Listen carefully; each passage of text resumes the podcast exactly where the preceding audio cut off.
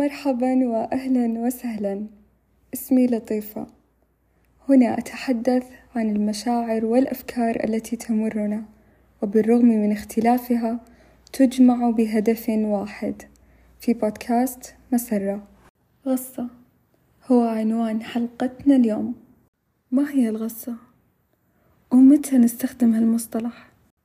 علميا الغصة هي معترض الحلق من طعام أو شراب. ومن الممكن أن يكون جسم غريب علق في الحلق فسبب الغصة لكن هل هذا ما أقصده؟ هل هذا موضوعي؟ بمعنى ثاني الغصة هي ما تكون في الشخص من حزن ألم أو ضعف وكثير أشياء أخرى لما تبكي وتحس بغصة وسط بكائك لما تجيك غصة مفاجئة أثناء حديثك عن شي قد أقلقك أو أحزنك ولما تحس الغصة في قلبك. هالغصة تنتزع منا شيء من غير سابق إنذار وفي وقت غير مخطط له؟ وهالغصات الداخلية الشعورية مثل ما ذكرت قبل قليل غالبا تحدث بالحزن الهم والألم؟ والبعض يقولون احذر عدوك مرة وأحذر صديقك ألف مرة. وأنا محايدة لهذه الجملة بصراحة خصوصا في أحوال الإحزان لأن السوء اللي من صديقك قاسي أكثر. الضربة من قريب روحك ممكن تهدك بينما كل هذه الأشياء متوقعة ومنتظرة من عدوك فما راح تستغربها ولا بتتألم روحك منها. بس هل حدوث الحزن والزعل وكل هالمشاعر السلبية مع شخص ما يعني إننا لازم نخرج هالإنسان من حياتنا؟ طبعا لا. وأنا متأكدة إن كثير منكم يا أصدقائي بيجاوبون نفس إجابتي. كل هالأشياء طبيعية جدا. طبيعي تتجادلون حول نقاط ما تتفقون فيها.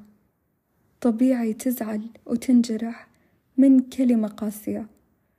وطبيعي جدا إنك تتألم من بعض التصرفات لأن مو كل جدال يعني عدم الاحترام للآخر. وممكن الكلمة القاسية قيلت في لحظة غضب. وممكن بعض التصرفات حدثت لا شعوريا. وفي حال زعلتك كلمة قاسية أو أسلوب سيء سواء من شخص قريب جدا منك أو من شخص علاقتك فيها عادية. لكنك تحس أنك مو مستعد للبقاء أكثر. لا تبقى. ابتعد بس بشكل طبيعي وهادي. حيث قال الله تعالى أعوذ بالله من الشيطان الرجيم. واصبر على ما يقولون وأهجرهم هجرا جميلا.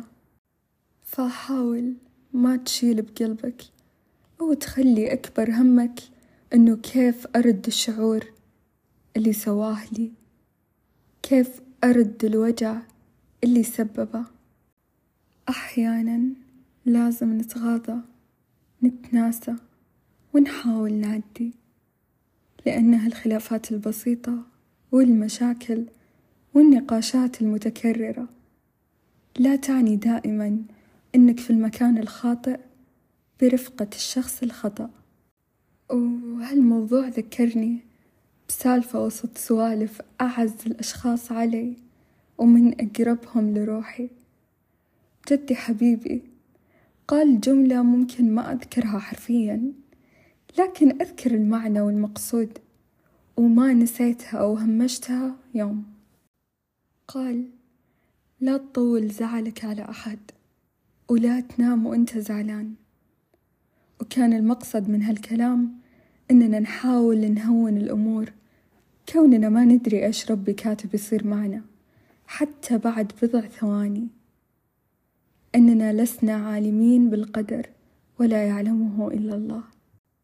هالكلمات خلتني أوعى وصرت أحاول جاهدة إنه ما أنهي يومي وبقلبي زعل على شخص. خصوصا القريب مني أو إني أطول على ما أقدم الاعتذار. ما أنكر إن أحيانا يغلبني عنادي وتنتصر علي قسوة بعض المواقف أو قوتها، لكني إذا لاحظت أزعل من نفسي كثير، وأحاول أذكرها بمواقف حلوة وجميلة قد مرتني مع الشخص الآخر، بس يا أصدقاء هالنقطة ما تنفي. إنك أنت لك كامل الحق بالانسحاب واختيار ذاتك وراحتك، إذا لاحظت الطرف الآخر يقصد ولا يبالي، يجرح دائمًا بلا أي مبررات، لما ما عاد تلقى له عذر ولا مبرر، وتلاحظ إن كل التصرفات قاسية جارحة ومؤلمة بشكل كبير جدًا ومقصود، وإن كل أفعالك مجرد استنزاف لطاقتك وروحك، لذلك يا صديقي لا تشد حبل غير ممسوك من الجهة الثانية، اتركه واسلك طريق راحتك، الشي اللي يتطلب وجود طرفين لكنك تبذل فيه لحالك ما يستحق تمسكك، وللتغيير تعال نتفلسف شوية بشكل علمي، فيزيائيًا قانون نيوتن الثالث ينص على أن لكل فعل رد فعل مساو له بالمقدار ومعاكس له بالاتجاه، أي أنه عندما تؤثر قوة على جسم لابد من وجود قوة أخرى مصاحبة لها، حبيت أستخدم هالنقطة تحديدًا للتوضيح أكثر عن مقصدي بس بشكل مختلف، فما في فايدة من بذلك لشخص ماخذ دائمًا دور المتلقي، ولا كلف على نفسه حتى يمسك الطرف الآخر للحبل، اختم وجود هالشخص أو هالشي بنقطة تعني إنك أنهيت دورهم في حياتك، فارقهم وأبتعد عنهم، وحاول يا صديقي ما تجرح ما تهين وما تزعل، مثل ما قال أستاذ ياسر الحزيمي أنا لا أخاصم أحد لكني أغير رتبته، فغير المكانة والرتبة دون أن تسيء، أترك لك ذكرى طيبة مو عشانهم ولا عشان أحد، بل احتسابًا للأجر أولًا وعشانك إنت ثانيًا، وبما إن الغصة يا صديقي غير مرئية بس إنت تحس فيها داخليًا، وغالبًا ما يلاحظون اللي حولك، حاول ما تجعل هالغصة تبقى داخلية، فرغ اللي داخلك بأي طريقة كانت، بالحديث، الكتابة، أو بالطريقة اللي تشوفها إنت أنسب لك، أنا برأيي حلو جدًا إننا نحاول نفرغ سواء مشاعرنا هذي أو أي شعور سلبي آخر ممكن يمرنا، نفرغها بالدعاء وبالقرب من الله سبحانه، ومن ثم تتعدد الأساليب والطرق الممكنة، إما صار حديثك مع أشخاص قريبين منك أو كلام تكتبه على أوراقك،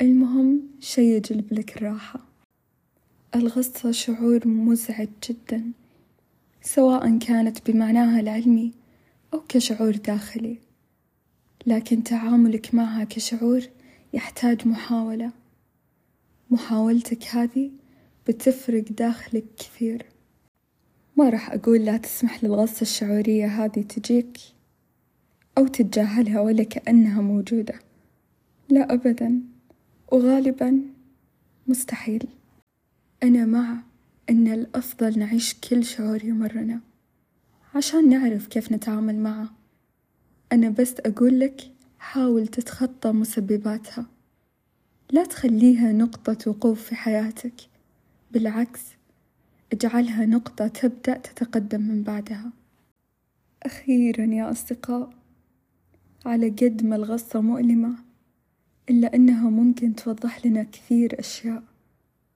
أشياء أحيانًا يكون عقلنا أختار يتجاهلها، وممكن نتقدم ونقلب صفحة قديمة بعد هالغصة، الله يخفف عنا وعلينا، ويا رب يجعل وقع الغصات والمشاكل على قلوبنا أخف وأحن، عذرًا إذا طولت عليكم، أتمنى أن أكون أشعرتكم باللطف والاستمتاع، وسأسر جدًا إذا شاركتوني آراءكم، طاب يومكم يا أصدقائي.